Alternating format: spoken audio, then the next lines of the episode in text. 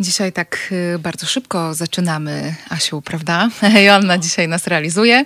Y, dzięki niej będziemy się słyszeć. Y, będziecie Państwo słyszeć mnie. Ja jestem w studiu w Warszawie, a z Krakowa, zdaje się, łączy się z nami dzisiaj Ewa Furgał, czyli dziewczyna w spektrum. Dzień dobry, Pani Ewo. Czy my się słyszymy? Jeszcze nie, Asia mówi, że się jeszcze nie słyszymy. To nic, to ja Państwu poopowiadam, o czym będziemy dzisiaj rozmawiać. E, dziś będziemy rozmawiać o spektrum autyzmu, e, czyli o takim zjawisku nietypowego rozwoju mózgu, które powoduje, że no, mamy taki szereg. Y, ja w zasadzie nie wiem. To zapytamy panią Ewę, y, czy to jest, jest szereg. Y, hmm, ułatwień, czy szereg utrudnień, czy po prostu szereg e, takich objawów, które nam towarzyszą w życiu.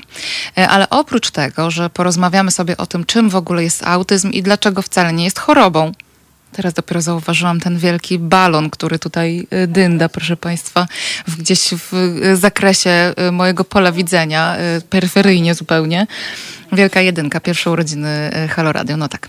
E, mm, więc oprócz tego, że będziemy rozmawiać o tym, czym jest autyzm i dlaczego wcale nie jest chorobą, wbrew, e, mm, zdaje się, popularnemu e, przekonaniu, będziemy też rozmawiać, dlaczego w przypadku kobiet funkcjonowanie w spektrum autyzmu mm, jest e, jeszcze bardziej specyficzne niż w przypadku innych osób.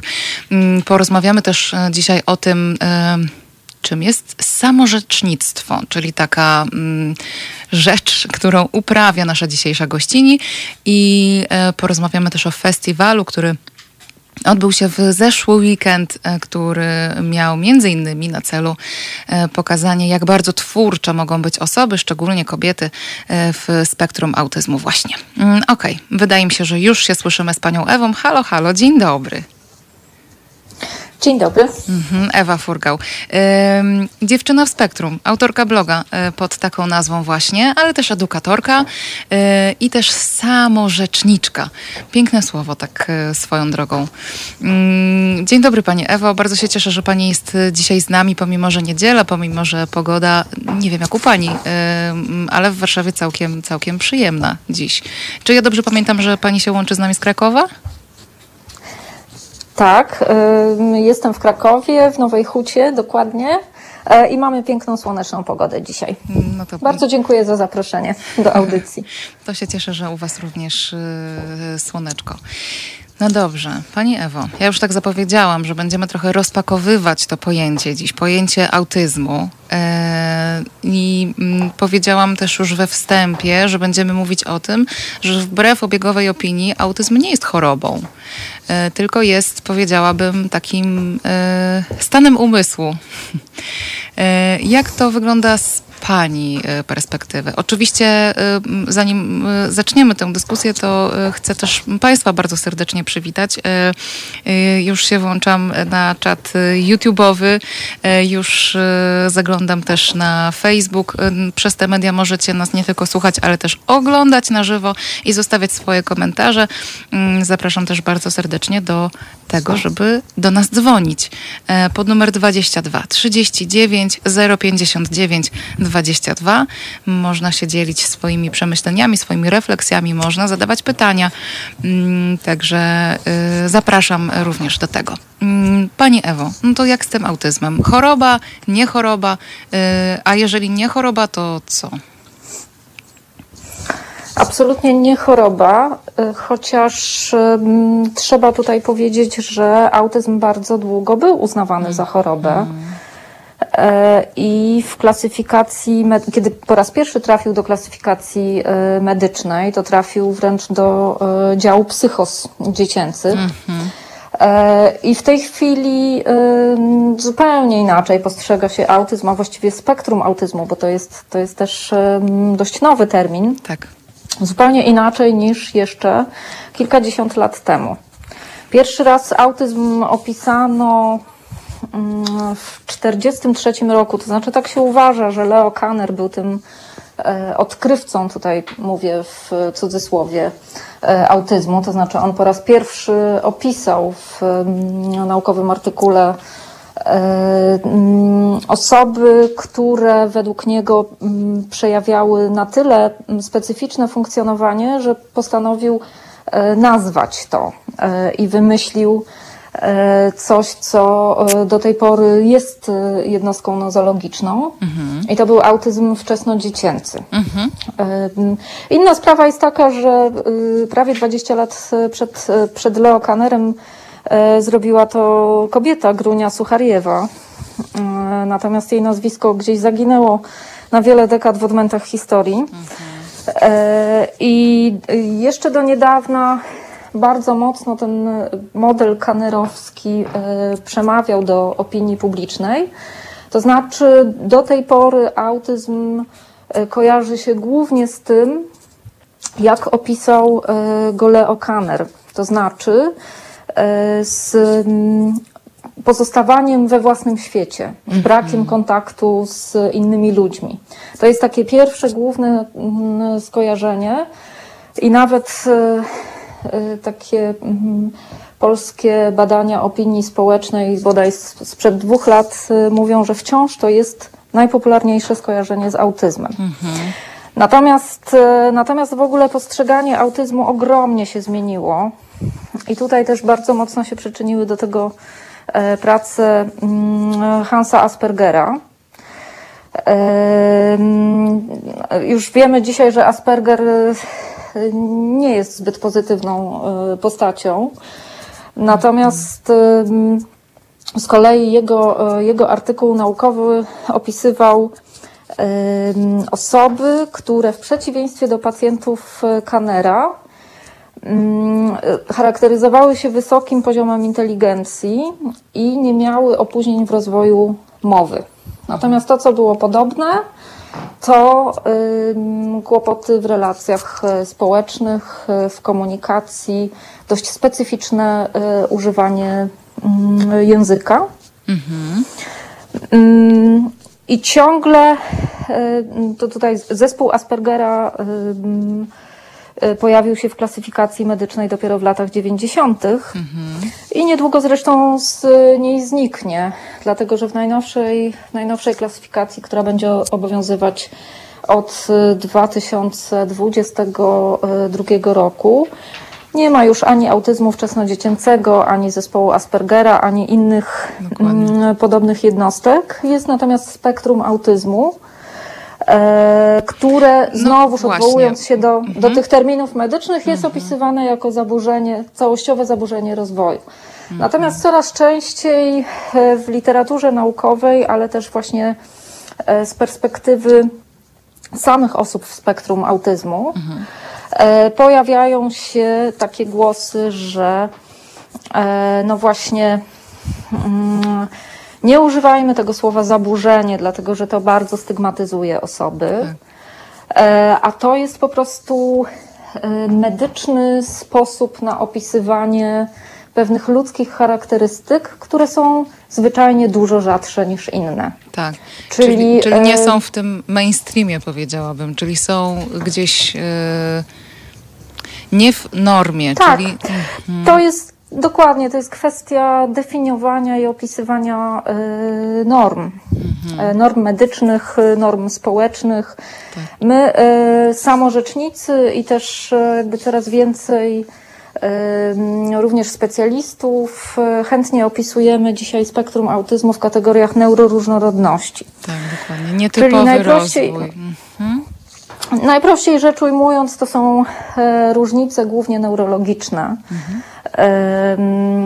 i one wpływają e, na sposób przetwarzania informacji, na sposób odbierania bodźców, e, sposób komunikowania się, rodzaje reakcji emocjonalnych, mhm. a nawet proces uczenia się i zapamiętywania. Tak.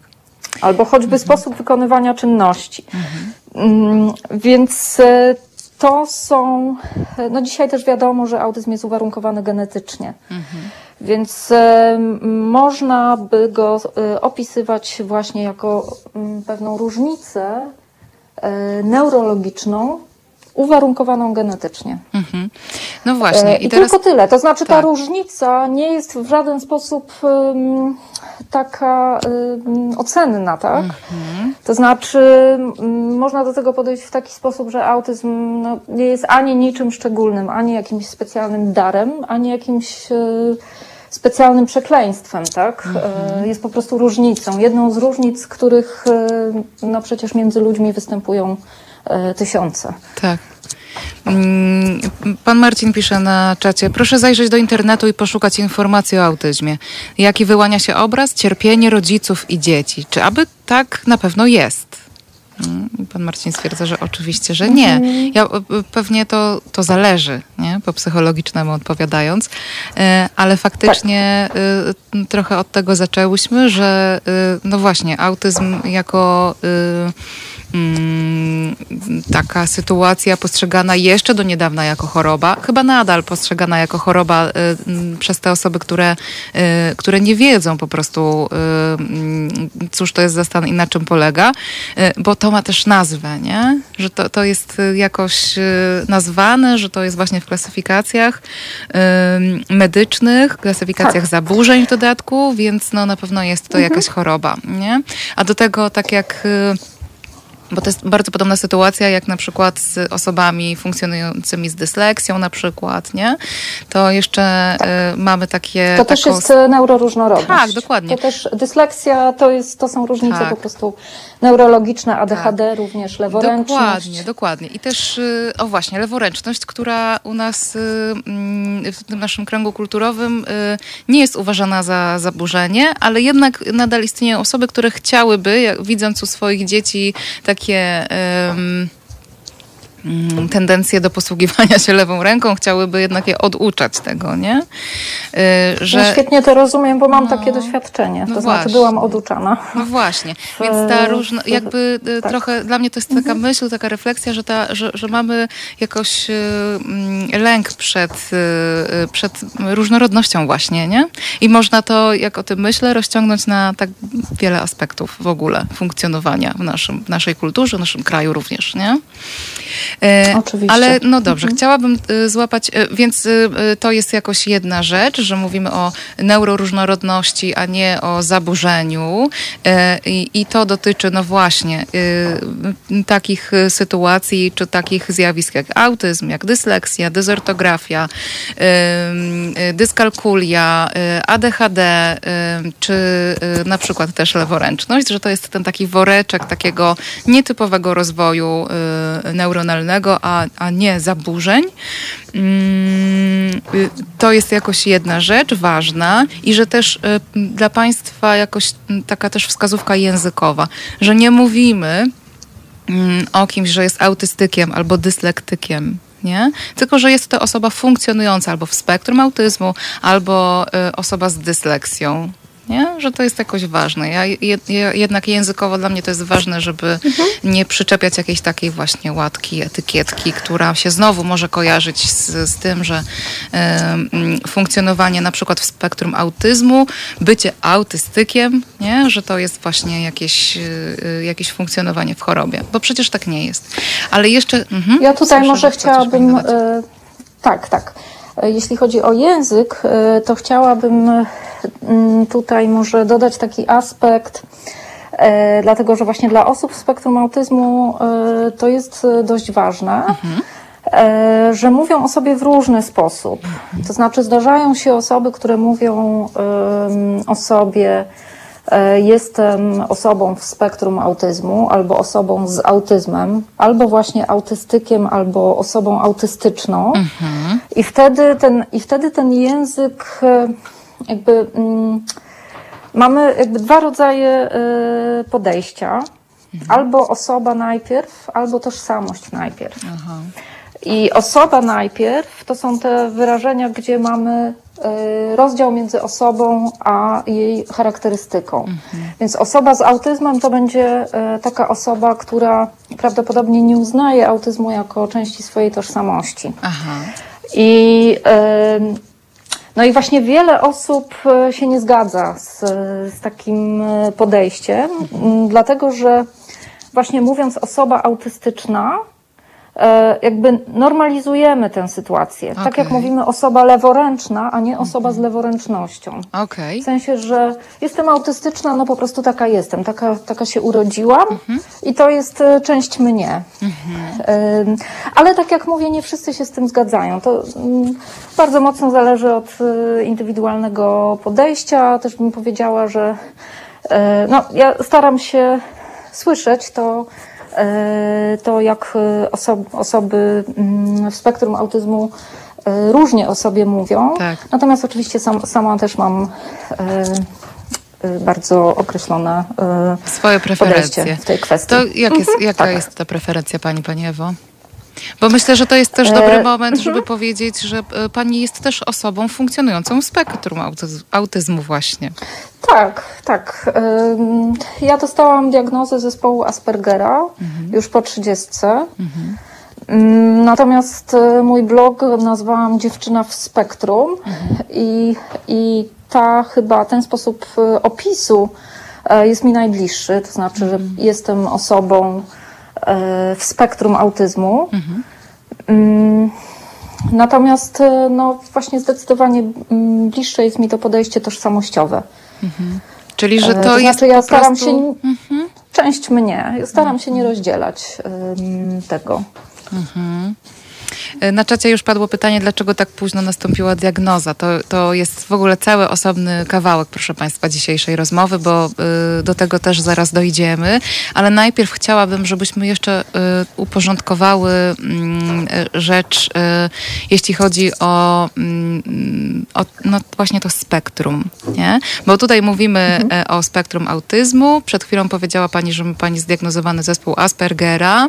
Jeszcze wcześniej powiedziałyśmy o tym, że okej, istnieją różne zapisy w klasyfikacji zaburzeń, na przykład autyzm wczesnodziecięcy oraz właśnie zespół Aspergera, ale za chwilę one przestaną istnieć na rzecz tego zapisu o, y, zaburze, y, o zaburzeniach spektrum autyzmu. Y, Tak. tak. Mm, Więc y, potrzebowałabym, żebyśmy słuchaczom i słuchaczkom y, chyba y, tak trochę jeszcze rozjaśniły, dlaczego w ramach mm, tego jednego zjawiska pojawiają się różne określenia i o co chodzi z tym, że to zjawisko jest w spektrum. Jak Państwo oglądacie, mm, nie tylko słuchacie, to ja, to ja tak pokazuję jakoś odruchowo rękoma, taki wachlarz robię.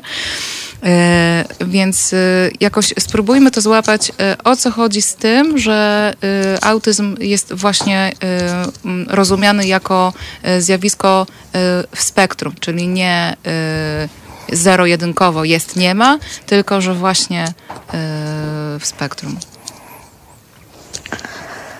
Myślę, że ważne jest to, żeby powiedzieć, y, że populacja osób w spektrum autyzmu jest ogromnie różnorodna.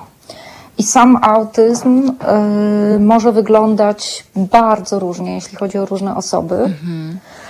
Y, Osoby w spektrum autyzmu y, mogą y, mieć na przykład niepełnosprawność intelektualną. I tutaj ym, około 30% w ogóle osób y, autystycznych ma niepełnosprawność intelektualną współwystępującą, ale mogą też być osobami z bardzo wysokim y, poziomem inteligencji. I tutaj też y, ten odsetek jest wyższy niż w przypadku osób, no, nazwijmy je, neurotypowych. E, Mogą być os- osoby w spektrum autyzmu e, osobami mm, wymagającymi e, opieki. Mm, Często, e, często opieki w takich podstawowych e, czynnościach e, życiowych. To mogą być e, osoby mm, niesamodzielne.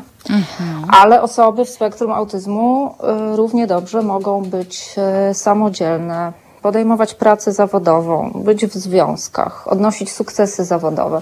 Także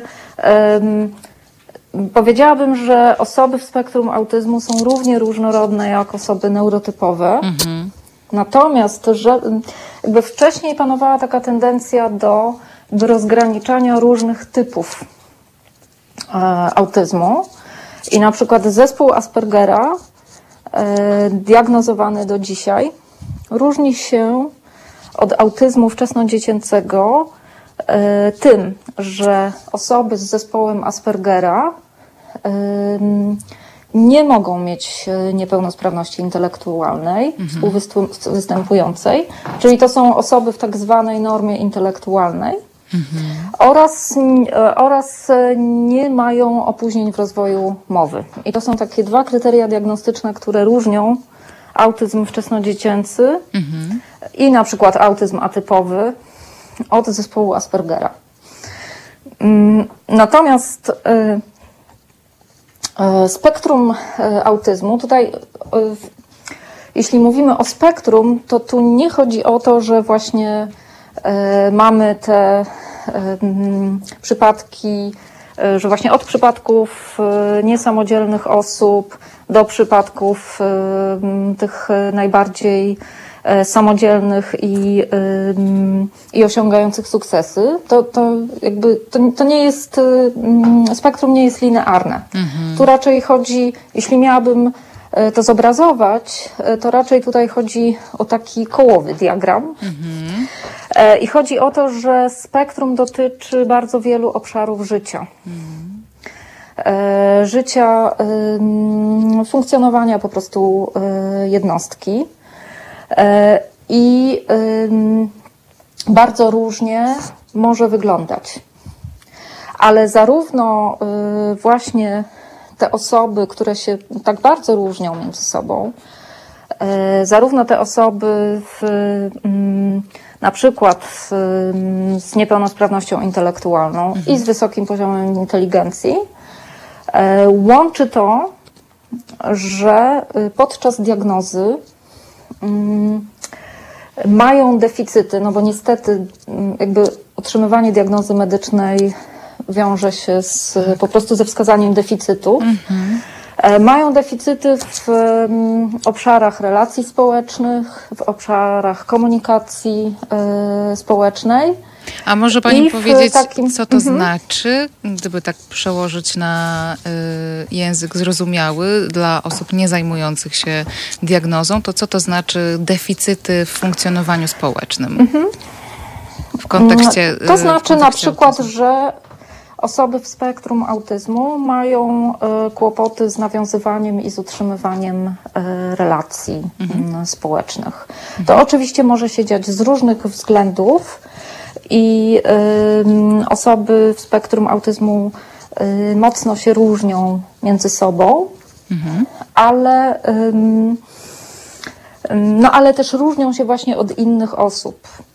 Więc tutaj występuje, występują takie e, trudności związane z tym, że właśnie ten nasz układ neurologiczny troszeczkę inaczej e, funkcjonuje i inaczej na przykład odbieramy Mm, różne komunikaty. Tu jeszcze muszę powiedzieć, że wcześniej właśnie się postrzegało ten obszar relacji społecznych i obszar komunikacji jako dwa różne. Mhm. Natomiast y, teraz jest tendencja do tego i właśnie w tej nowej klasyfikacji to będzie już jeden obszar. Dlatego, że no, komunikacja społeczna po prostu wpływa na to, jak te no tak. relacje wyglądają. Oczywiście.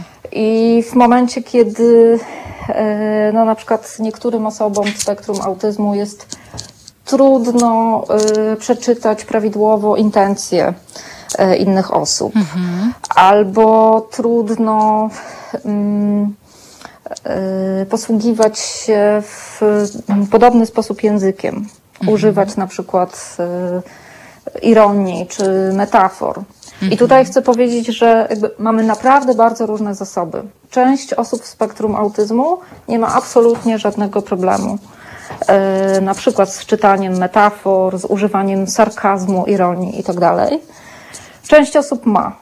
Mm, więc też jakby sposób y, y, diagnozowania właśnie tych odmienności w komunikacji społecznej mhm. Y, i relacji, no, jednak w bardzo dużym stopniu zależy od interpretacji mm, diagnostów. Mhm. I tutaj myślę, że to jest odpowiedni moment, żeby zahaczyć o temat em, diagnozowania kobiet, dlatego że właśnie Mhm. Ale te, te może, dwa obszary. Tak, to, Mhm. bo to oczywiście się bardzo łączy. Ale jeszcze bym chciała, zanim Tak. przejdziemy do, y, do tego kawałka, to żebyśmy powiedziały y, też, bo też takie pytanie pada na czacie, że w ogóle skąd można mieć taki pomysł, albo na co powinno się zwrócić uwagę, mm, jeśli chodzi o obserwację swojego dziecka. Y, m, Nie, bo wydaje mi się, że to nie jest do końca jasne, y, co nas powinno skłonić do takiego y, mm, zastanowienia się, czy nasze dziecko nie funkcjonuje w spektrum autyzmu przypadkiem. To gdyby pani miała powiedzieć o tych takich podstawowych rzeczach, które się pojawiają, czy mogą się pojawić u dziecka, to co by to miało być? Co by mogło nas jakoś mm, wprowadzić w ogóle w mm, takie myślenie, że hmm, może warto byłoby sprawdzić, nie? czy to nie jest to? To mogą być takie rzeczy, na przykład e, jak e, to, że dziecko mm, zwraca uwagę na bardziej na przedmioty, na obiekty niż na e, osoby. Że na przykład nie reaguje na, na swoje imię. E, Albo nie, nie, mm, nie używa gestykulacji e, do, do kontaktu. E, To mogą być na przykład takie rzeczy, że ma bardzo specyficzne potrzeby sensoryczne. Na przykład, nie wiem, liże ściany albo gryzie firanki. Em, To, są, to mogą być takie rzeczy, e, ale też to mogą być znacznie subtelniejsze mm, sygnały. E, Ja na przykład miałam tak, że mm, byłam y, takim dzieckiem, które się y, bardzo szybko nauczyło czytać i pisać, dużo wcześniej niż rówieśnicy. E, I jakby mój rozwój taki poznawczo-intelektualny przebiegał znacznie szybciej od rozwoju społecznego e, i emocjonalnego. To znaczy, ja siedziałam z nosem w książkach, głównie w encyklopedii. E, Nie miałam ochoty bawić się z rówieśnikami. Rówieśnicy w ogóle mnie nie interesowali. E, Rozmawiałam, rozmawiałam z dorosłymi chętniej niż y, z dziećmi. No i też y, bardzo, bardzo dużo lęku społecznego mi towarzyszyło od, y, od najmłodszych lat. To znaczy nie, nie chciałam wychodzić z domu, y, nie chciałam iść do przedszkola. W ogóle w, mm, grupy ludzkie y, mnie przerażały. Mm, no i też, e, i też myślę, że taki można zwrócić uwagę na taki specyficzny sposób bawienia się. To znaczy taki sposób bawienia się nie, właśnie nie nastawiony na interakcje z e, innymi dziećmi, ale bardzo ym, skupiony na na przykład układaniu rzeczy w określonej kolejności. Niekoniecznie w rzędy, bo to jest taki e, chyba najbardziej typowy obrazek autystycznego dziecka, że układa zabawki w rzędy, Tak. ale. Albo rozwiązuje prostu sobie- skomplikowane matematyczne równania w wieku lat trzech. Tak, to znaczy może się tak zdarzyć, natomiast e, zdarza się to stosunkowo e, rzadko. E, W ogóle muszę powiedzieć, że jakby te wizerunki takie medialne, te stereotypowe, one są w, bardzo oparte na, e, na skrajnościach. Czyli Tak, ale e, też no mamy na albo w jakichś tak, takich podaniach kulturowych, nie? Że e, Tak. kilka osób, e, e, inaczej, kilka postaci literackich, a szczególnie filmowych jakoś zawładnęło e, tym pomysłem na to, jak funkcjonuje osoba w spektrum autyzmu, mam wrażenie. Ja myślę, że to wynika e, trochę z potrzeby e, czytelnego pokazania właśnie tej różnicy. Mhm, dokładnie. Mhm. To znaczy, tak, popkultura bardzo chce, żeby e, widzowie czy też czytelnicy bez trudu zobaczyli tą inność. Mhm. No A oczywiście w realnym życiu tak, tak łatwo nie jest i e, wiele osób znakomicie ukrywa po prostu swoje odmienności. Mm, No po to, żeby się, żeby się nie narażać na, mm, na ostracyzm i, i na kłopoty w kontaktach z innymi ludźmi. No tak, znowu tymi samymi, którzy po prostu ludźmi, tym samym społeczeństwem, które po prostu nie rozumie różnorodności, no, że jakoś nie lubi, nie? Yy, nie lubi, nie rozumie. Tak, dlatego ukrywanie się, ukrywanie się jest e, po prostu podstawową strategią przetrwania w takim społeczeństwie. Mm, no właśnie. No dobrze, proszę Państwa, robimy bardzo krótką przerwę i za chwilę wracamy do tej rozmowy z Ewą Furgał, autorką bloga y, Dziewczyna w Spektrum.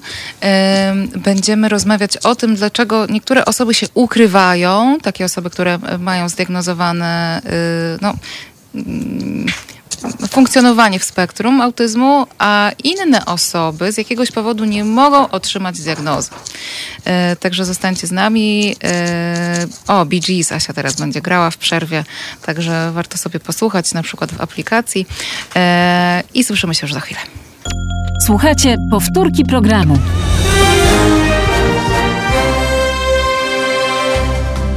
Halo Radio. Pierwsze medium obywatelskie.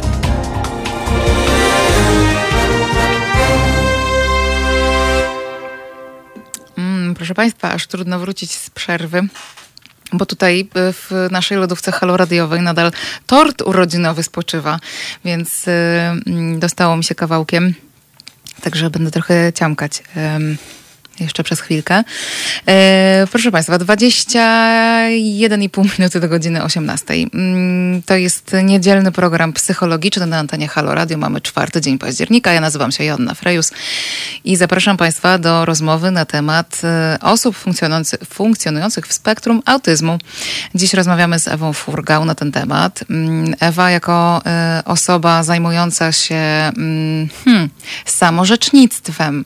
E, cóż to jest jest samorzecznictwo, to y, za chwilkę będziemy wyjaśniać, y, ale też y, mm, jako osoba funkcjonująca w spektrum autyzmu po prostu opowiada nam dzisiaj o tym, mm, jak to jest żyć z, mm, w spektrum autyzmu. Ewa jest autorką bloga o nazwie Dziewczyna w spektrum. Jest też edukatorką i jest też organizatorką festiwalu Pasjonatki, o którym też dziś będziemy mogły przez chwilę porozmawiać. E, pani Ewo, rozumiem, że się słyszymy. Nadal. Tak. Okej. Okay. Skończyłyśmy poprzednią część e, na tym momencie, w którym powiedziała Pani, jakie e, objawy, jakie takie nietypowe zachowania u, naszych, u naszego dziecka mogą e, nas jakoś inspirować do tego, żeby zastanowić się, czy przypadkiem nasze dziecko, no właśnie, nie znajduje się w spektrum autyzmu. Na czacie padło pytanie, co w takim razie można zrobić, w momencie, kiedy takie mm, podejrzenie się u nas pojawia? Y, no, proszę Państwa, trzeba y, się zdiagnozować i y, jest do tego, powiedzmy, że istnieje określona ścieżka diagnozy, bo oczywiście, mm, Pani Ewo, proszę mnie poprawić, mm, jeżeli jakoś tutaj będę opowiadać nieprawdę, bo będę się jakoś mijać z rzeczywistością, ale jakoś mam świadomość, że rodzice, którzy próbują w Polsce diagnozować swoje swoje dziecko. Mm, no oczywiście nie zawsze, ale często napotykają na mm, takie problemy, że na przykład mm, diagnozy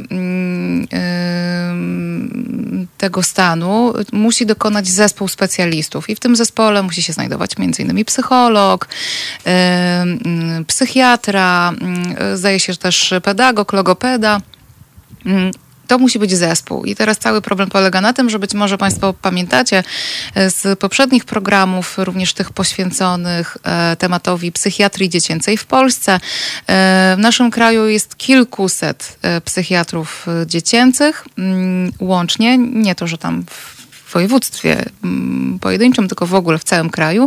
Więc jak się domyślacie, umówienie się na taką diagnozę, czy przejście tego procesu diagnostycznego jest w Polsce trudne i e, czasochłonne. Często wiąże się z odwiedzaniem wielu placówek, z jakimiś takimi próbami przyspieszania tego procesu. Często ten, ta diagnoza następuje dosyć późno, ponieważ z jakiegoś powodu, dopóki nie trafimy do jakiejś takiej placówki, gdzie e, nawet z jakimś innym problemem, z inną trudnością, trudnością, mm, albo na przykład w placówce, w której, e, do której nasze dziecko uczęszcza, nie ma takiej osoby wyczulonej na, na tego typu objawy, no to może być tak, że dziecko funkcjonuje dłuższy czas bez diagnozy, a jak już się do tej diagnozy przystępuje, to znowu ten proces diagnostyczny też trwa długo.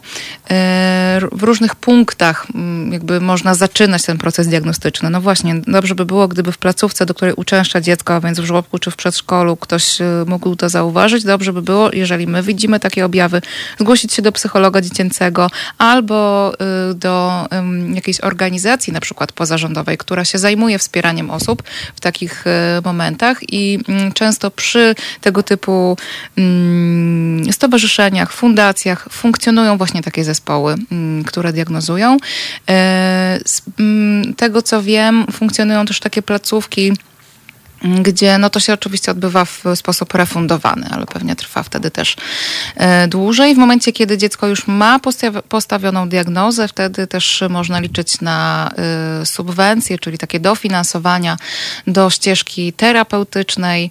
Chociaż z drugiej strony mam taki opór przed mówieniem, że to jest terapia, jeżeli mówimy o tym, że funkcjonowanie w spektrum autyzmu, czy, czy, czy spektrum autyzmu nie jest e, stanem chorobowym, no to tutaj trudno mówić o terapii, ale takie działania jakby wspomagające funkcjonowanie dla, y, dla dzieci y, w spektrum autyzmu, czyli właśnie na przykład konsultacje psychologiczne, takie treningi umiejętności społecznych, a więc y, taka możliwość ćwiczenia tych różnych rzeczy związanych z wchodzeniem w relacje z rówieśnikami, z komunikacją taką właśnie w relacjach rówieśniczych, ale też na przykład terapia logopedyczna, bo tak jak pani, pani Ewo powiedziała, często dzieci w spektrum autyzmu, czy osoby w spektrum autyzmu mają na przykład właśnie o, o takie opóźnienia w rozwoju mowy i tutaj y, działania od strony y, logopedycznej, tej terapii logopedycznej są y, wskazane. Mm, czy ja to jakoś dobrze ujmuję, Pani Ewo? Tak, myślę o tym e, bardzo podobnie. To mhm. znaczy, y, autyzm sam w sobie nie powinien być terapeutyzowany. E, natomiast na pewno warto wzmacniać różne e, umiejętności mhm. E, u dzieci w spektrum autyzmu. I tutaj na przykład treningi umiejętności społecznych oczywiście są bardzo ważne, dlatego że no jak wiadomo, umiejętności społeczne bardzo się przydają w życiu. Tak. Mm, natomiast chcę zwrócić uwagę na, na taką rzecz, że bardzo często właśnie po diagnozie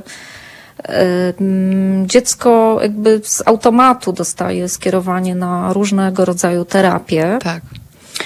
E, I te terapie, one często są e, prowadzone właśnie bez szczególnego uwzględnienia granic dziecka. Też, Dlatego, z, też z automatu, dzieci... nie? Bez uwzględniania różnorodności. Tak. Mhm. Dzieci w spektrum autyzmu, podobnie jak dzieci neurotypowe, mają bardzo różne zasoby i swoje granice różnie poustawiane. Mhm. I na przykład y, dla jednego dziecka trening umiejętności społecznych, powiedzmy, trzy czy cztery razy w tygodniu, y, będzie rzeczywiście je rozwijał mhm. i wzmacniał te umiejętności. A dla innego, na przykład takiego skrajnie wycofanego dziecka, tak e, będzie wręcz rodzajem przemocy. No, męką po prostu, tak, e, I, I takie dziecko się jeszcze bardziej wycofa i mm prawdopodobnie e, będzie w przyszłości straumatyzowaną dorosłą tak. osobą, potrzebującą e, psychiatrycznego leczenia.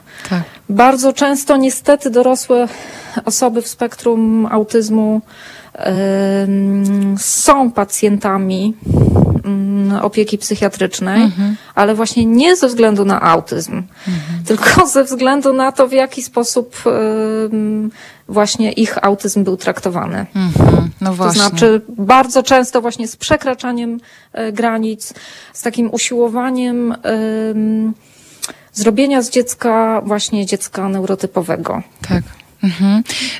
Y, tutaj Państwo też na czacie y, y, zauważacie, że same problemy bardzo często generuje społeczeństwo, a nie sam fakt funkcjonowania w spektrum autyzmu, nie?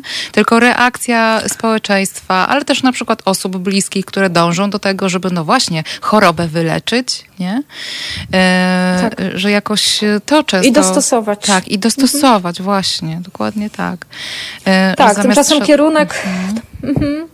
Kierunek powinien być odwrotny, to znaczy też nie chcę powiedzieć, że to y, osoby neurotypowe powinny się dostosować do autystycznych, Mhm. ale ym, y, rzeczywistość społeczna ym, powinna być dostosowywana do potrzeb różnych y, osób, Mhm. nie odwrotnie. Tak. Czyli e, na przykład jeśli w społeczeństwie zdarzają się osoby z różnymi nadwrażliwościami sensorycznymi, Mhm. no i oczywiście nie mówimy tutaj tylko o osobach w spektrum autyzmu, No ale również o wysoko wrażliwych osobach, Tak. To y, warto po prostu te potrzeby uwzględnić. I mm, teraz y, mamy sporo takich bardzo fajnych inicjatyw, na przykład ciche godziny w No galeriach właśnie, handlowych. Państwo też o tym piszą na y, czacie. Tak. Jak to jest y, postrzegane przez Panią, Pani Ewo? Te ciche godziny, y, mm, to dla Państwa, jest świetna którzy, rzecz. Dla Państwa, którzy nie wiecie, ciche godziny na przykład w, w niektórych supermarketach y, y, powstały. To są takie momenty w ciągu dnia, no tak zazwyczaj godzina, dwie, kiedy y, są w teorii przynajmniej przygaszane światła, wyłączane są komunikaty płynące z... y, mm, I muzyka. tak, i muzyka z głośników, y, po to, żeby zmniejszyć ilość bodźców, które się pojawiają w otoczeniu. Muszę przyznać, że mm, ja jak ognia unikam wielkopowierzchniowych sklepów, ale jak sobie myślę, że miałabym do takiego trafić, to też wolałabym w cichej godzinie, nie? Więc Oczywiście. y, mm, wydaje mi się, że to są Właśnie akurat to działania chodzi, no że- nie? Po, pozytywne, korzystne dla większości społeczeństwa tak naprawdę. Mm, Tak. mhm, no dobrze, ale chciałam zapytać o to, czy to znowu nie jest takie działanie, które może być jakoś stygmatyzujące? Wie pani o co chodzi? Że No, o, mnie jak idę w mnie cichej su- godzinie, no to jestem osobą... Że jesteśmy e, osobą specjalnej troski, tak? No trochę, no, chcę o to E, zapytać, czy to, czy to nie jest tak odbierane przez część e, społeczn- społeczności osób funkcjonujących w spektrum autyzmu, ale mi się tak powiedziało. Nie słyszałam takich głosów, szczerze mówiąc. Mhm. Ja to widzę jako naprawdę bardzo pomocne rozwiązanie. Takie rozwiązanie, które na przykład chroni wiele, wiele autystycznych osób przed Mhm. przeciążeniami mm, sensorycznymi, przed meltdownami w miejscach e, publicznych. Czyli czym? Meltdown? E, meltdown, No, w meltdown to jest właśnie taka reakcja organizmu następująca wskutek przeciążenia sensorycznego, e, która się objawia na przykład wybuchem gniewu albo płaczu. E, To jest taka gwałtowna, niekontrolowana reakcja w momencie, kiedy organizm już ma dość i, i wybucha. Innym rodzajem reakcji jest shutdown, czyli mm, za, zamknięcie systemu, Tak. mówiąc językiem e, komputerowym. Takie po psychologicznemu takie zamrożenie. Tak, Czyli już wtedy po osoba prostu- się zamraża. Tak. E, tak, u mnie na przykład dużo częściej występuje ten, e, ten rodzaj reakcji. Ja wtedy w, wchodzę pod kołdrę i spędzam tam e, kilka mm, zazwyczaj godzin. Nie życzę sobie wtedy, żeby wchodzić do pokoju, dotykać mnie, mówić do mnie. E, po prostu wyłączam się. Mhm. No właśnie, układ y, nerwowy musi się ukoić po prostu, musi mieć czas, żeby, żeby odtajać z takiego y, przebodźcowania, prze, przepełnienia ilością y, informacji. Mhm. Y, Okej, Państwo się dzielicie swoimi doświadczeniami, że, że Wy też tak macie, nie? że nie macie diagnoz, ale właśnie y, szaman Tak. pisze, że chodzi w słuchawkach do sklepów, bo źle na niego działa szum lodówek i w ogóle jakiś taki szum, y, więc y, faktycznie.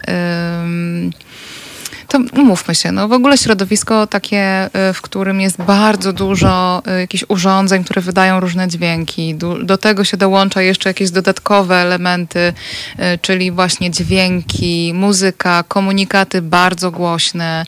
Do tego jeszcze marketingowcy wymyślają różne rzeczy typu jakieś zapachy, z każdego sklepu inny. Do tego dużo bodźców takich wzrokowych oczywiście, bo już sam, sama wielość produktów produktów na półkach y, jest takim bodźcem, ale też dużo świecących, migających, mrugających jakichś elementów.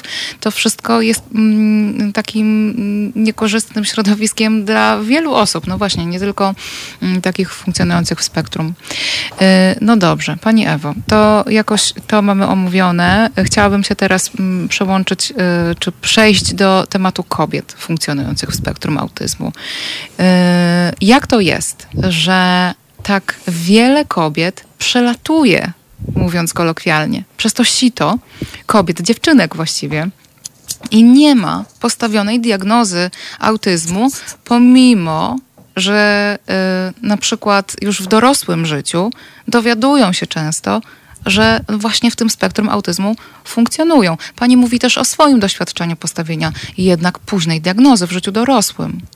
E, a wspomina Pani o tym, że jednak te objawy, takie specyficzne dla e, spektrum, e, były u Pani obecne już od wczesnego dzieciństwa. Jak to jest, że nikt wcześniej tego u Pani nie zdiagnozował i w związku z tym pewnie nie miała Pani tego całego wsparcia terapeutycznego albo nie wsparcia, no bo to tak jak ustaliłyśmy, jest różnie. Ale przynajmniej nie miała, nie miała Pani te, tej możliwości skorzystania z tych różnych opcji. Ja akurat nie miałam szans, dlatego że w czasach mojego dzieciństwa nie diagnozowało się mhm. zespołu Aspergera w Polsce mhm. jeszcze. Mm, natomiast myślę, że w, w tym momencie, gdybym była kilkuletnim dzieckiem, to, to pewnie diagnozę dostałabym bez problemu. Aha. E, też e, ta świadomość mm, E, tego, jak spektrum autyzmu może wyglądać u różnych osób, jest jednak coraz, tak. coraz większa i ten mm, system diagnostyczny również w Polsce się stopniowo poprawia. Natomiast jeśli chodzi o dziewczynki i kobiety, to tutaj następuje mm, splot co najmniej kilku czynników mhm. utrudniających diagnozy. E, I tak, mm, no po pierwsze w ogóle mm, autyzm został opisany na podstawie obserwacji chłopców i na podstawie badań chłopców. To znaczy mm, ci pierwsi badacze autyzmu, oni badali i chłopców i dziewczynki, ale z niewiadomych względów właśnie do tych artykułów naukowych mhm. opisujących autyzm trafiły przypadki chłopców. Więc i u Kanera, i u Aspergera, i u Suchariewej opisani zostali chłopcy. Mhm. Co ciekawe, i Kanner, i Asperger zauważyli, że mm, autyzm u dziewczynek troszeczkę inaczej wygląda mhm. i obydwaj e, twierdzili, że należałoby dziewczynki zbadać osobno. osobno. Mhm. I osobne ale normy. tego nie zrobił. I w związku z tym osobne normy dla dziewczynek ustalić. No tak, ale należałoby, osobne ale w zasadzie... Mhm. Mhm. Żaden z nich tego nie zrobił. E, natomiast pracami, no Kanera głównie, bo to, to on jednak w dużej mierze modelował to podejście do autyzmu mhm. przez wiele dekad. Tymi pracami Kanera zasugerowano się w ten sposób, że uznano, że autyzm występuje kilka razy częściej u chłopców niż u dziewczynek, tak mhm. tak jak to wynikało z pracy Kanera. Mhm. Taka na, najpopularniejsza proporcja, która się utrwaliła, to była 4 do 1. Mhm. I następne badania, które wykonywali badacze, one po prostu y, utrwalały i pogłębiały y, tą proporcję, dlatego że jakby z założenia, żeby było sprawiedliwie, badacze zapraszali do swoich badań po prostu y, cztery razy więcej chłopców niż dziewczynek. No tak. Więc nie było szans, żeby wykazać. W ogóle do tej pory właściwie jest, mm, to jest takie trochę błędne koło, dlatego że mm, kryteria e, diagnostyczne, jakby one nie wskazują płci. Ale jakby ten obraz chłopięcy został uznany za uniwersalny. E, spektrum autyzmu u dziewczynek i u kobiet jednak ym, powiedziałabym, że może się znacząco różnić. I to z kolei y, jest y, między innymi zasługa socjalizacji do roli płci. Mhm. I tego, że dziewczynki w toku socjalizacji y, nabywają zazwyczaj wyższe od chłopców umiejętności społeczne i komunikacyjne. A tak jak mówiłyśmy wcześniej, właśnie to są te mm, obszary kluczowe dla diagnozowania autyzmu. Tak. Czyli wyznacznikiem, jakby wyznacznikiem autyzmu jest poziom umiejętności społecznych i komunikacyjnych Tak. chłopców. No i teraz jak mamy do Więc czynienia... dziewczyny odpadają na wstępie. Tak. Jak mamy do czynienia z, czyli mówiąc wprost, jak mamy do czynienia z chłopcem wycofanym, takim, który y, ma jakieś mm, takie trudności w nawiązywaniu relacji, to y, rodzice zaczynają się zastanawiać, hmm, coś jest nie tak, taki jakiś wstydliwy ten nasz syn, tak jakoś, no nie może się jakoś tak dogadać, z chłopakami w piłkę nie pogra, nie? Coś tu jest nie tak, sprawdźmy to. A jak y, dziewczynka się zachowuje w taki sam sposób, jest wycofana, to mówimy o niej, a no tak, taka wstydnisia, nie? Cicha, nieśmiała, Cicha, nieśmiała dziewczynka. dziewczynka Mhm. taka. Czyli wszystko ok. Wszystko w normie, tak, powinno być, nie? A jeszcze y, Mhm. to takie społeczne podanie, że no właśnie taka dziewczynka powinna być, nie? Że tutaj... Y, Tak. Tak? Ma, Marysiu, Co więcej- Marysiu trzeba Mhm. być cicho, Marysiu nie krzycz, nie biegaj, Marysiu tutaj tak się nie powinno, prawda? Dokładnie tak. To znaczy socjalizacja do roli płci robi nam to, e, że dziewczynki i neurotypowe, i w spektrum autyzmu em, mają silną potrzebę dostosowania się.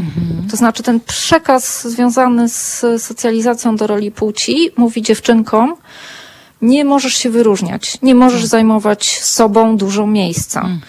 Em, Nie, Nie wy- możesz nie się wypada, odzywać nie? niepytana. Tak, bo nie wypada. Nie wypada, tak. Masz być e, cicha, skromna, uległa, grzeczna. Mhm. E, No i oczywiście jakby od początku te umiejętności społeczne i komunikacyjne są doskonalone. No po to, żeby dziewczyna y, umiała się opiekować ludźmi, tak? To jest jakby główna rola y, społeczna kobiety. Ma się umieć opiekować y, innymi osobami, dziećmi przede wszystkim. Wykonywać E, pracę no- emocjonalną tak zwaną. Dokładnie tak. Więc dziewczyny w spektrum uczą się tego od najmłodszych lat i uczą się tego znakomicie. To znaczy y, i świadectwa, to wiemy głównie na podstawie autobiograficznych świadectw y, kobiet w spektrum autyzmu, ale też kolejne badania to potwierdzają, że dziewczyny w spektrum dużo lepiej od chłopców y, mm, uczą się zachowań społecznych szybciej i skuteczniej. Dużo lepiej odczytują różne konwencje społeczne, kody społeczne. Em, I się dostosowują, nie chcą się wyróżniać z grupy, mm, nie chcą, żeby padł chociaż cień podejrzenia, że mogłyby być inne. Więc wtapiają się w grupę e, i bardzo często obraz dziewczynki w spektrum, która oczywiście dużo później od, y, w takim przypadku niż chłopiec dostanie diagnozę albo nie dostanie jej wcale, to jest na przykład w grupie, nie wiem, szkolnej obraz dziewczyny skrajnie wycofanej, siedzącej w ostatniej ławce, nie mającej koleżanek, mm, często mającej jedną koleżankę i to jest też e, bardzo mm, taka e, powtarzająca się sytuacja, że dziewczyny w spektrum często sobie wybierają jedną koleżankę w szkole, e, którą obserwują i naśladują jej zachowania. Tak, Czasami uczą się. naśladują jej wygląd, mimikę, gesty. Uczą się po prostu jak y, zachowywać się, jak w ogóle przedstawiać się, prezentować się światu i jak zachowywać się w kontaktach z innymi ludźmi. I zazwyczaj ta koleżanka pełni też mm, taką funkcję mm, tłumaczki mm, ludzkich zachowań i tego neurotypowego świata, tych, tych wszystkich e, reguł, które, które rządzą w relacjach z ludźmi, a często ma też funkcję takiej załatwiaczki i ochroniarki. To znaczy, kiedy trzeba gdzieś pójść, e, coś załatwić, zapytać, e, i dziewczyna w spektrum ma taki poziom lęku społecznego, że nie jest w stanie tego zrobić, to, e, to ta koleżanka zrobi to za nią. Co ciekawe, y, są badania, które wskazują, że w dorosłym życiu często kobiety w spektrum autyzmu w taki sposób y, zawiązują mm, bliższe relacje i związki. Mhm. Okej. Takie same Tutaj funkcje pełni tak. dla nich bliska osoba. Tutaj panią zatrzymuję, bo do tego, jak funkcjonują y, osoby, szczególnie kobiety y, w dorosłym swoim życiu, w, jednocześnie funkcjonujące w spektrum autyzmu, y, będziemy mówić w drugiej części programu. A teraz przerwa. Asia kiwa głową, że nie, nie, poczekaj, bo się y, zamyśliła, proszę państwa. nie, no dobra. Y, a już jest gotowa i teraz co będzie grało? Sade. A nie, Sting. Też na S. Dobrze. To jest powtórka programu. Halo Radio. Pierwsze radio z wizją.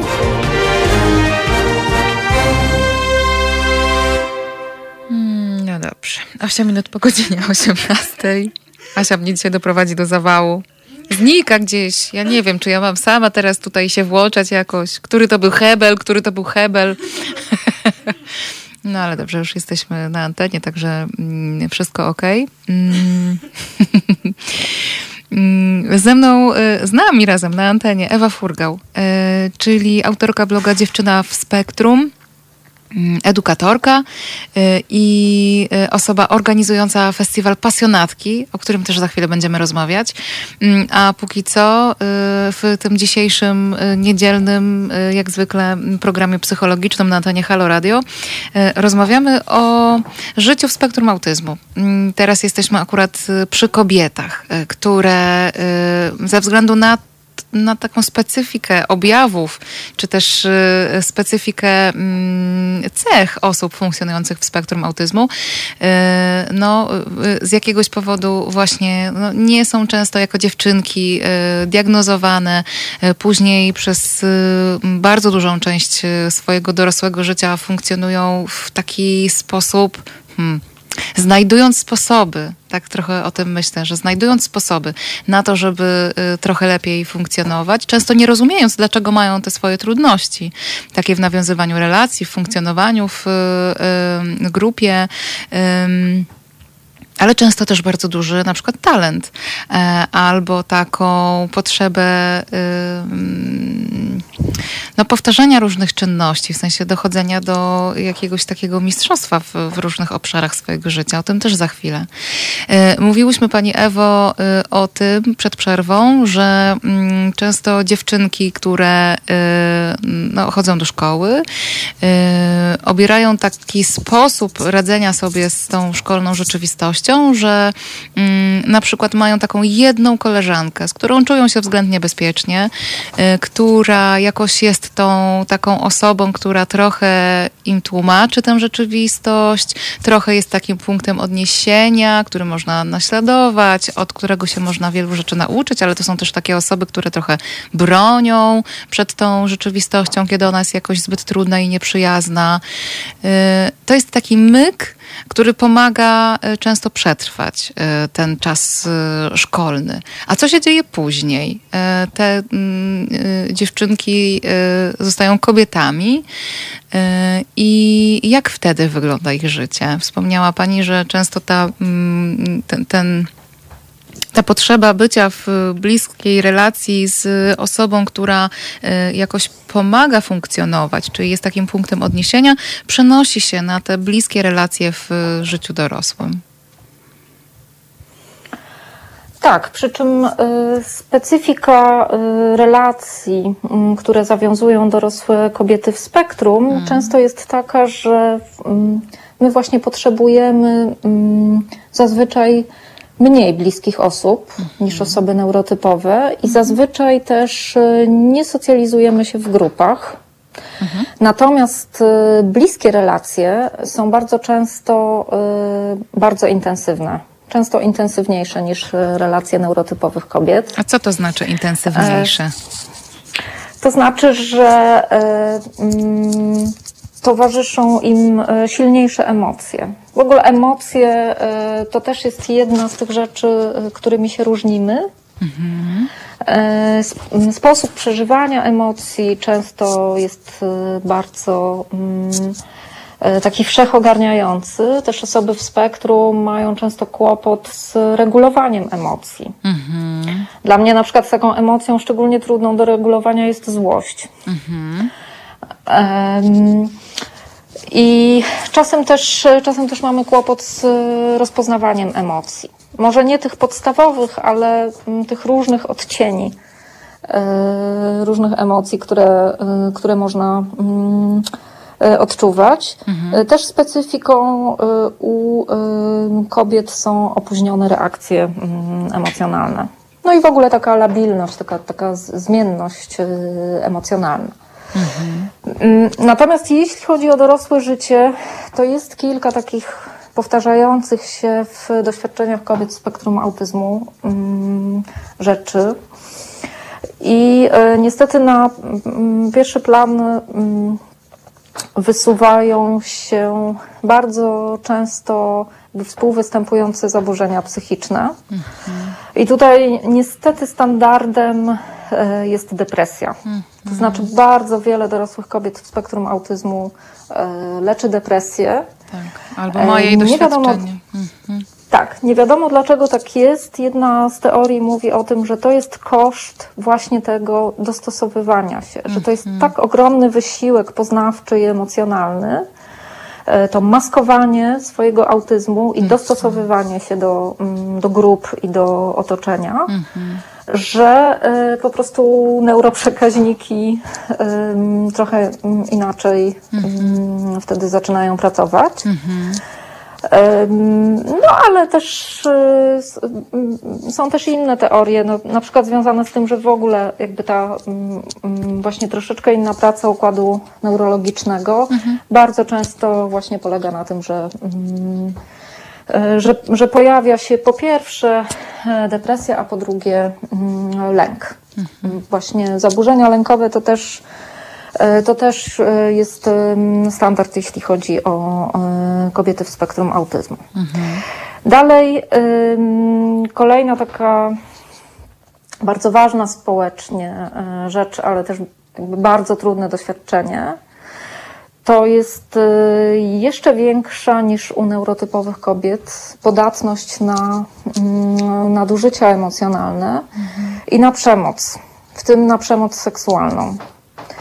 I tutaj, y, i tutaj mm, mm, występuje taka okoliczność, że mm, kobiety w spektrum autyzmu y, często nadmiernie ufają ludziom i nie są w stanie rozpoznać sytuacji zagrożenia albo rozpoznają je za późno. To znaczy ufają, że ludzie zazwyczaj ym, ym, mówią Myślą to, to, co co mają na mówią. myśli. Tak. Mm. Tak, i odwrotnie. Mhm. Więc niestety badania raportują bardzo wysoki wskaźnik nadużyć seksualnych.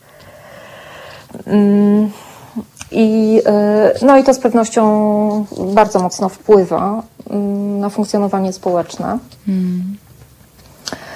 No i oczywiście są też, e, są też inne e, wyzwania. Tych wyzwań jest naprawdę mnóstwo. Na przykład wyzwania związane z, ze zdobyciem i utrzymaniem pracy. Mhm.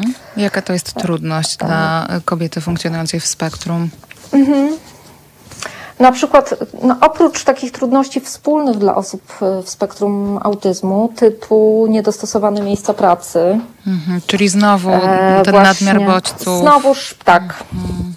E, Bodźce albo taki, e, takie niepisane e, zasady, które panują w miejscu pracy, albo bardzo duża rola właśnie relacji społecznych w miejscu pracy, czyli takie miejsce pracy na, na, nastawione na relacje, e, z których osoby w spektrum autyzmu wypadają, ponieważ e, my też bardzo często pracę postrzegamy e, no właśnie nie jako miejsce do nawiązywania relacji społecznych, ale miejsce rzeczywiście wykonywania swoich obowiązków.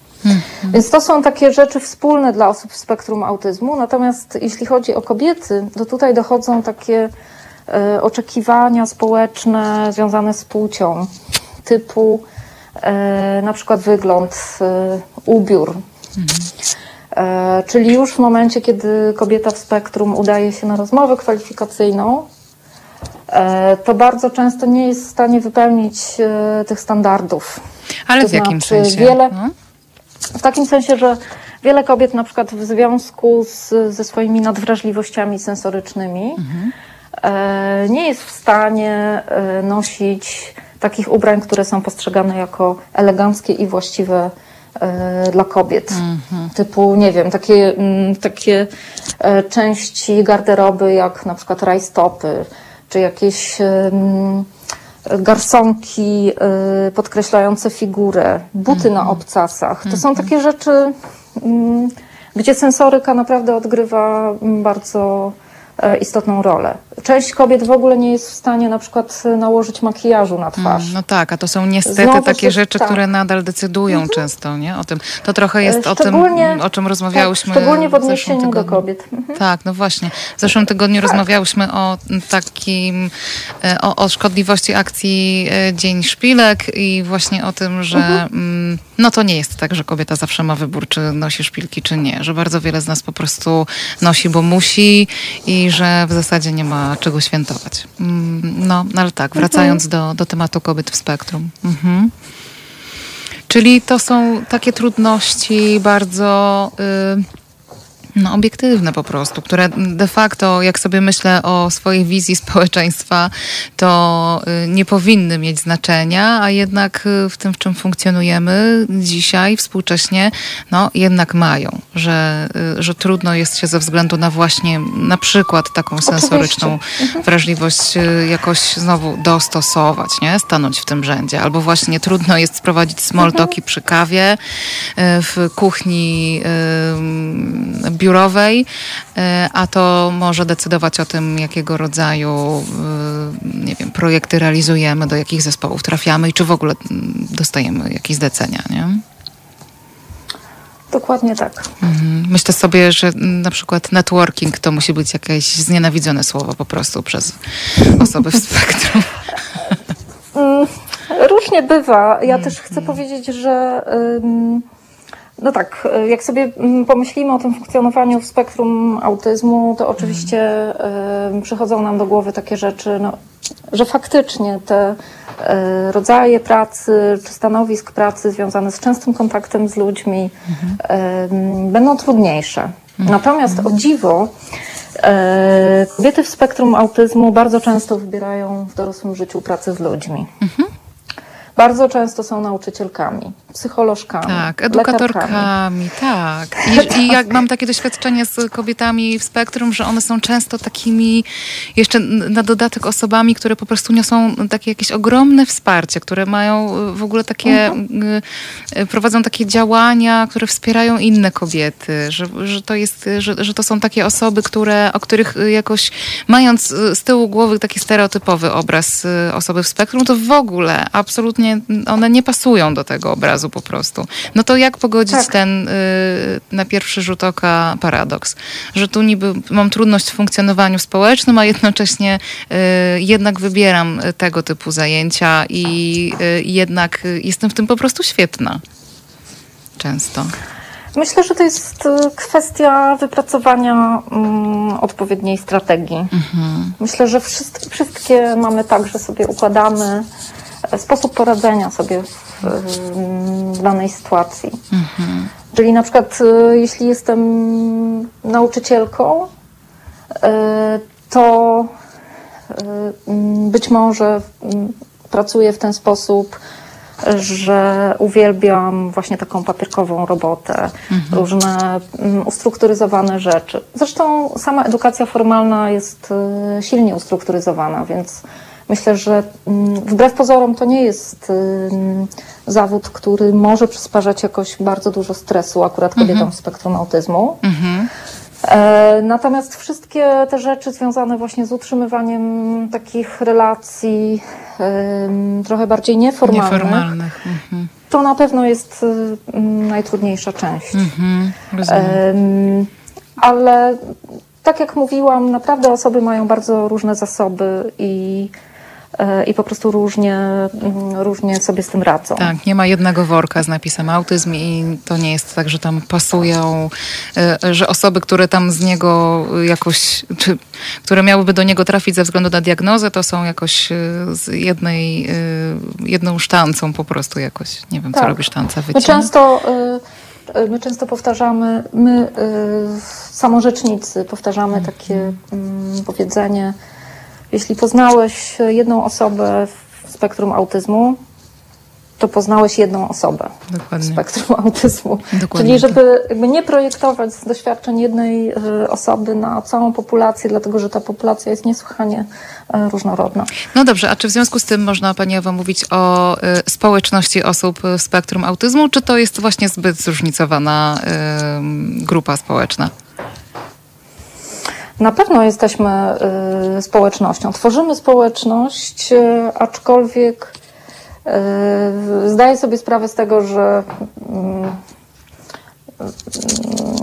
jeśli wziąć pod uwagę standardy neurotypowych społeczności, to jest to społeczność specyficzna, to znaczy taka Nietypowa nie nastawiona na, na relacje w grupie. Aha.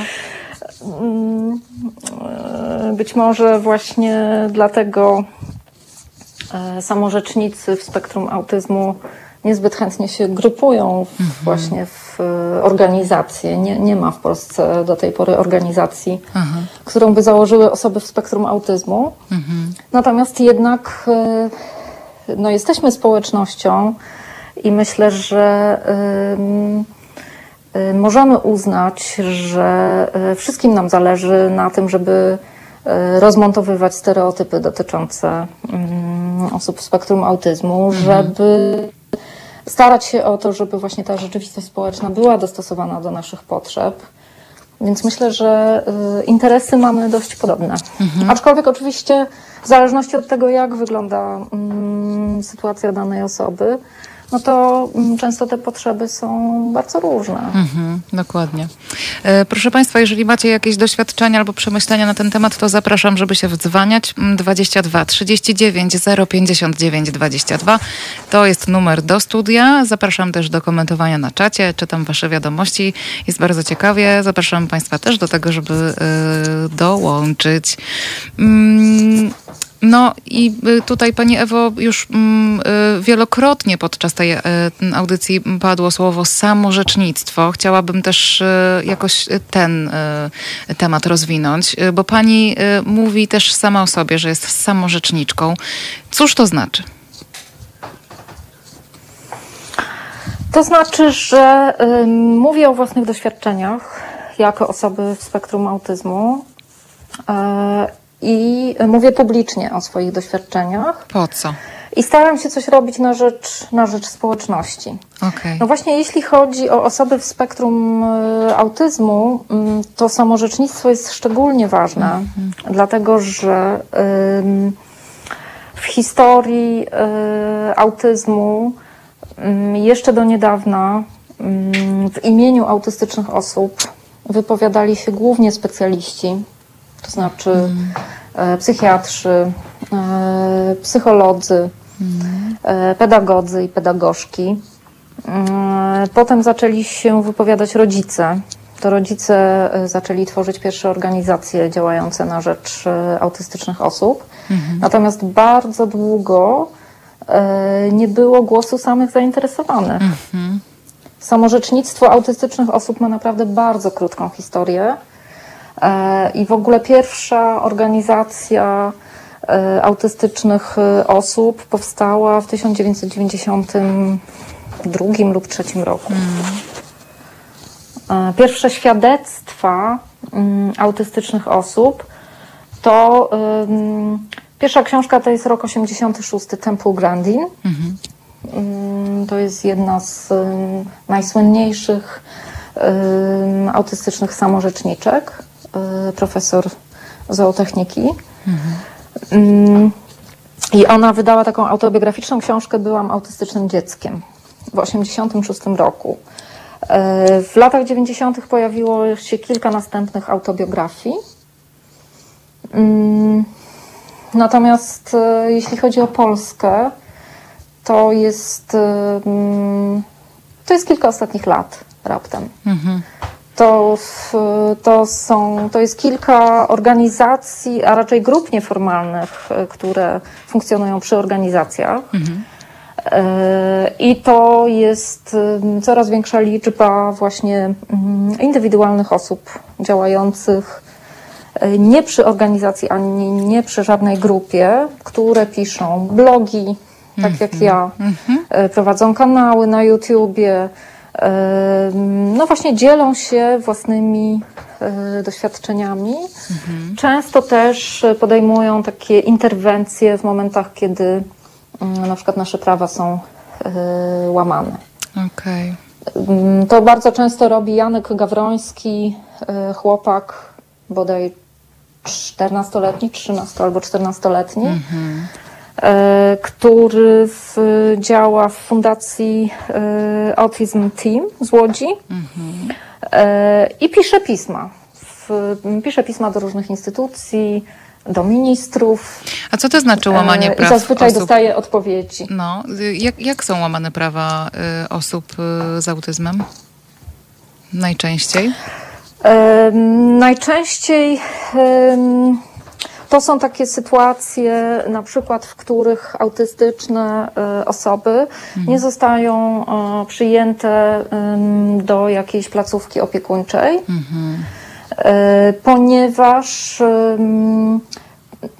personel czy też dyrekcja placówki uznaje te osoby za zbyt trudne. Okej, E, To znaczy albo są- placówka jest niedostosowana, osoby są nieprzeszkolone do pracy z autystycznymi osobami. E, I na przykład inicjatywa Chcemy Całego Życia mm, lobbowała takie rozwiązanie prawne, żeby y, w końcu w Polsce można było utworzyć środowiskowe domy samopomocy dla takie dedykowane osobom w spektrum autyzmu i z niepełnosprawnościami sprzężonymi. Y, Właśnie dlatego, że mm, te istniejące mm, placówki opiekuńcze y, właśnie bardzo często albo nie chcą przyjmować autystycznych osób, albo y, autystyczne osoby doświadczają w takich placówkach przemocy. I to jest jakby, w ogóle doświadczanie przemocy jest myślę najczęstszą formą y, łamania praw autystycznych osób w Polsce. I w ogóle osób, które w jakiś sposób y, stanowią o tym, że istnieje różnorodność, a nie, że wszyscy jesteśmy Mhm, jakoś, y, czy musimy być nieróżnorodni. Y, No dobrze, Pani Mhm. Ewo, mówimy o samorzecznictwie i Pani jako autorka bloga Dziewczyna w Spektrum oczywiście jest mm, też taką samorzeczniczką, ale na tym Pani nie poprzestaje, bo y, chciałam też y, dzisiaj powiedzieć trochę o festiwalu Pasjonatki. On jest jakoś dla mnie na wielu poziomach ciekawy. Z jednej strony dlatego, że no to jest właśnie taki objaw samorzecznictwa grupowego, że tak powiem, y, czyli tak jak y, stoi napisane mm, w opisie tego wydarzenia, że to jest wydarzenie mm, od kobiet w spektrum autyzmu dla kobiet w spektrum autyzmu.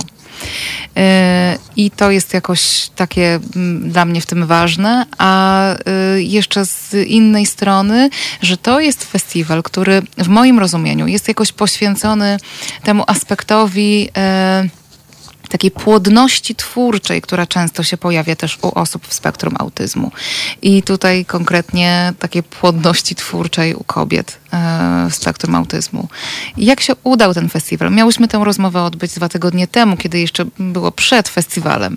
No ale ze względu na różne zawirowania ta rozmowa się nie odbyła. Y, I rozmawiamy dzisiaj, czyli tydzień po tym, jak odbył się festiwal. Jak było? Jak to się udało? Jakie są Pani refleksje y, na temat tego, co się udało zrobić i po co w ogóle jest taki festiwal? E, Festiwal mm, głównie e, był po to, żeby zwrócić e, uwagę właśnie na pasję i na to, że naprawdę warto pracować na mocnych stronach, na talentach osób. Dlatego, że często w, właśnie w przypadku osób w spektrum autyzmu pracuje się na ich deficytach. Na deficytach, Czyli tak. właśnie na terapiach, na treningach umiejętności społecznych. W ogóle jakby mm, osoby w spektrum autyzmu, ponieważ dostają właśnie medyczne diagnozy mm, ze wskazaniem ich deficytów, Mhm. to bardzo często też siebie postrzegają w taki sposób, Tak. że po prostu czegoś im brakuje, że coś Mhm. jest z nimi nie tak, że muszą ciągle pracować, żeby y, właśnie Nadgonić, tak. y, No, skompensować, tak, nie? I ja- Natomiast- no właśnie, tak, i my też natomiast trochę tę dzisiejszą rozmowę. I. Mhm. tak trochę ta, nasza dzisiejsza rozmowa też wyglądała, że kurczę, jednak przez godzinę y, ponad y, koncentrowałyśmy się na tym, z czym mają trudność osoby w spektrum, nie?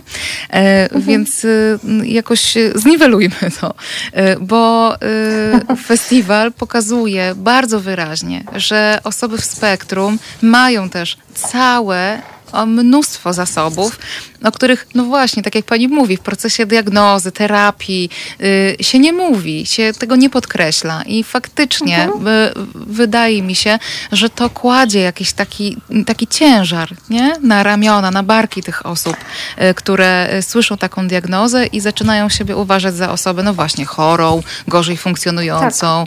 Mm, A okazuje się, że y, ta społeczność się może pochwalić ogromnymi osiągnięciami.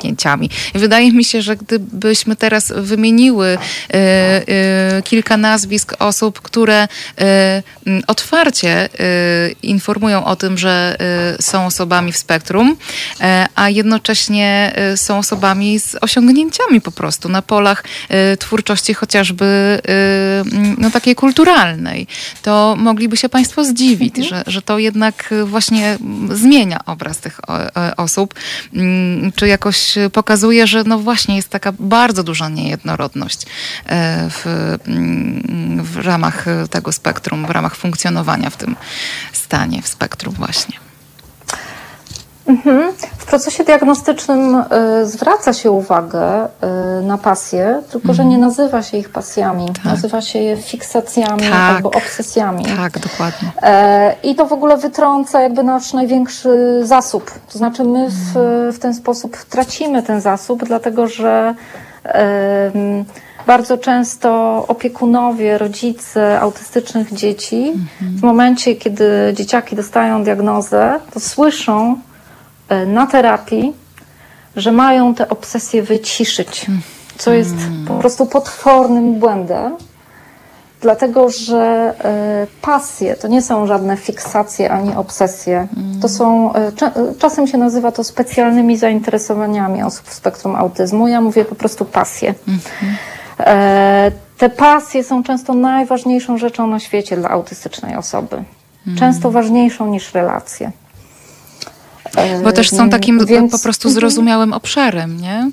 Że tu się nie muszę jakoś wysilić, żeby zrozumieć, y, co ta osoba mówi, czy ona mówi wprost, czy tam jest coś pod spodem. Nie muszę jakoś sprawdzać, czy, czy ja to dobrze robię, tylko po prostu w tym jestem, nie? Że mam to flow. Jestem w tym, tak, jestem w tym całą głową. Zazwyczaj to jest e, bardzo intensywne zainteresowanie. Zazwyczaj osoby w spektrum autyzmu chcą wiedzieć jak najwięcej i zazwyczaj wiedzą wszystko na temat e, swojej pasji. Starają się ją e, zgłębiać. jak najbardziej poznawać, wykonywać. Po prostu wszystko, co ma kontakt z pasją, jest obszarem naprawdę czystej przyjemności. Więc naprawdę jest, e, ja widzę w tym mm, bardzo dużą wartość, żeby po pierwsze pracować właśnie na pasjach, a po drugie, i tutaj y, mm, już chodzi mi mm, dokładnie o dziewczyny i kobiety w spektrum autyzmu, żeby dziewczyny, dlatego że e, dziewczyny mają często inne pasje niż te e, stereotypowo łączone z autystycznymi osobami. Więc bardzo mi na tym zależy, żeby szczególnie młode dziewczyny w spektrum autyzmu miały szansę poznać e, trochę starsze koleżanki z diagnozami, które, dla których ich pasje są jednocześnie ich zawodem, które y, odnoszą sukcesy w życiu i pokazują, że można, że to się da zrobić i że warto rozwijać te swoje mm, szczególne zainteresowania e, i że to może przynieść naprawdę ogromną satysfakcję w życiu. No. I zresztą też sukces zawodowy, nie? Po prostu. taki, za którym idzie nie tylko satysfakcja, ale też i pieniądze. No.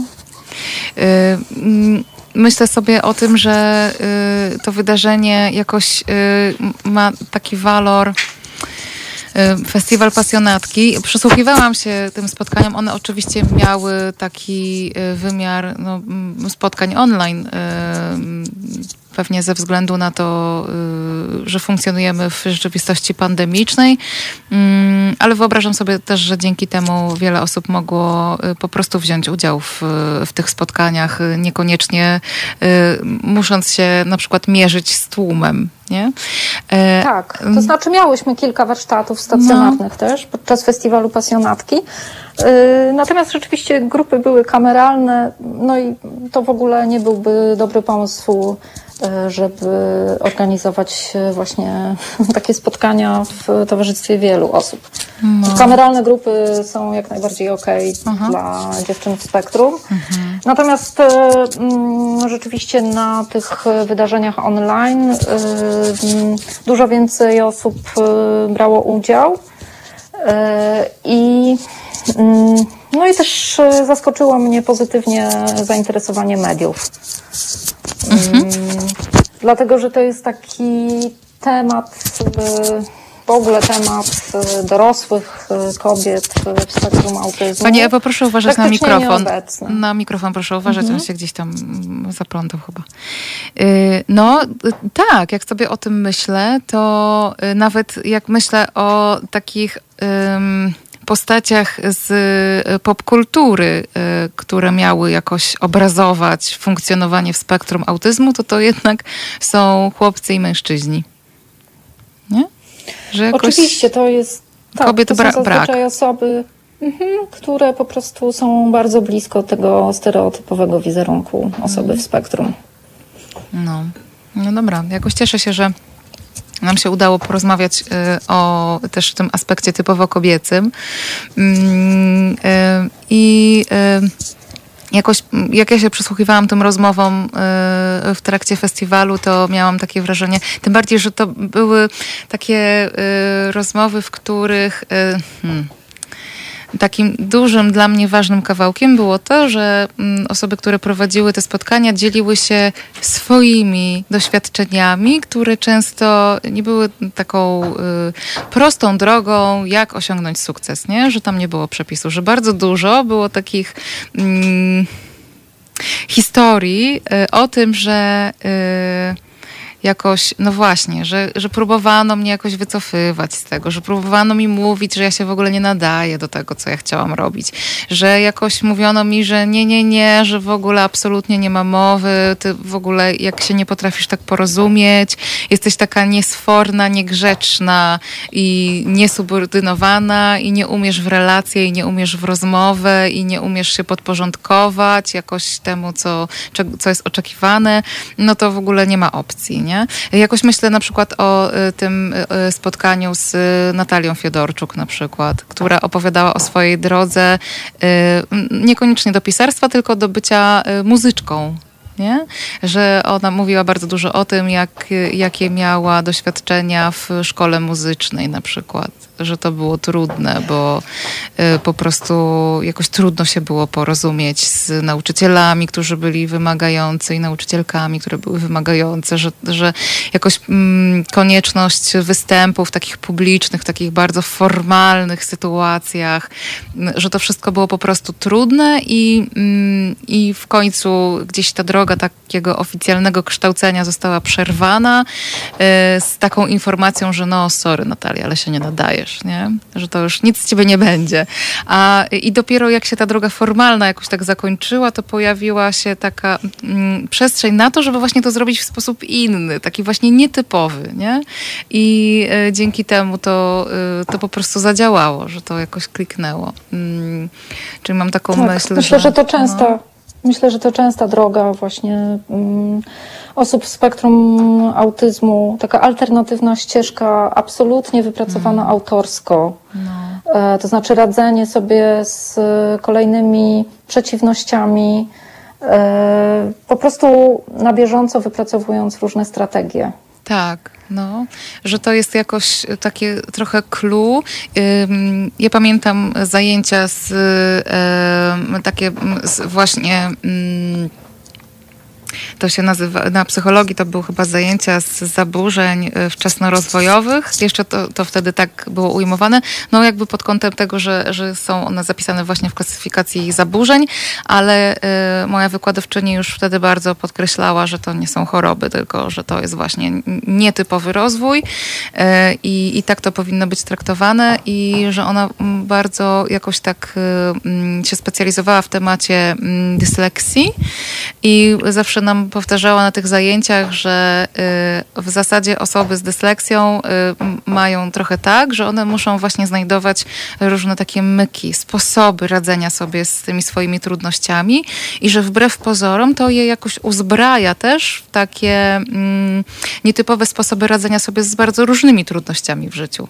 Y, I w związku z tym one często też mogą osiągać mistrzostwo w różnych dziedzinach właśnie w taki nietypowy sposób. I miałam sobie taką myśl, jak słuchałam y, tego spotkania z Natalią, y, tego co ona mówi, że to jest jakoś bardzo ważne, żeby mówić o tym głośno, że nawet jak masz diagnozę, y, która brzmi, nie wiem, zespół Aspergera, czy tam inne zaburzenie ze spektrum autyzmu, to, yy, to, że to nie jest właśnie y, deficyt, tylko że to jest jakaś okazja do tego, że ja mogę zrobić rzeczy po swojemu. I że nawet jeżeli jest tak, że jestem kobietą w spektrum autyzmu i że mam takie poczucie, że mi jest w życiu jakoś trudniej, bo ja tego nie umiem, tamtego nie umiem, tu nie rozumiem po prostu, nie? To, że mm, to jest bardzo ważne, żeby usłyszeć, że możesz zrobić po swojemu nie? Że to, że ktoś ci na tej takiej oficjalnej ścieżce mówi, hej, wiesz co, nie, nie nadajesz się, bo nie możesz tego zrobić tak, jak tutaj większość robi, to to nie oznacza, to to w ogóle nie musi być prawda, nie? Że to nie jest prawda, że możesz robić rzeczy, te, które chcesz, te, do których cię ciągnie, y, ale po prostu po swojemu i że to jest w ogóle okej i że to działa i że to się, że, że to się dzieje po prostu, nie? Tak, i, i myślę też, że bardzo ważne jest to, żeby właśnie młode dziewczyny w spektrum autyzmu słyszały to również od innych kobiet w spektrum. Tak.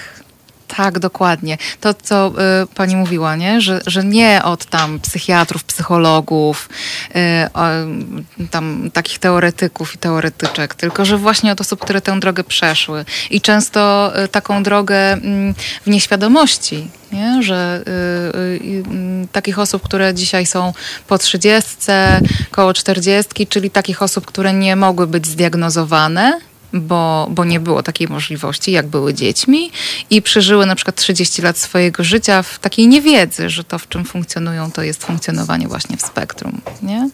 I że mimo to Tak. swoje ścieżki Mogę potwierdzić. wytyczyły. Mogę potwierdzić, że naprawdę można bardzo dużą część życia przeżyć w całkowitej nieświadomości i własnych emocji, i sygnałów płynących z ciała, i własnych zachowań.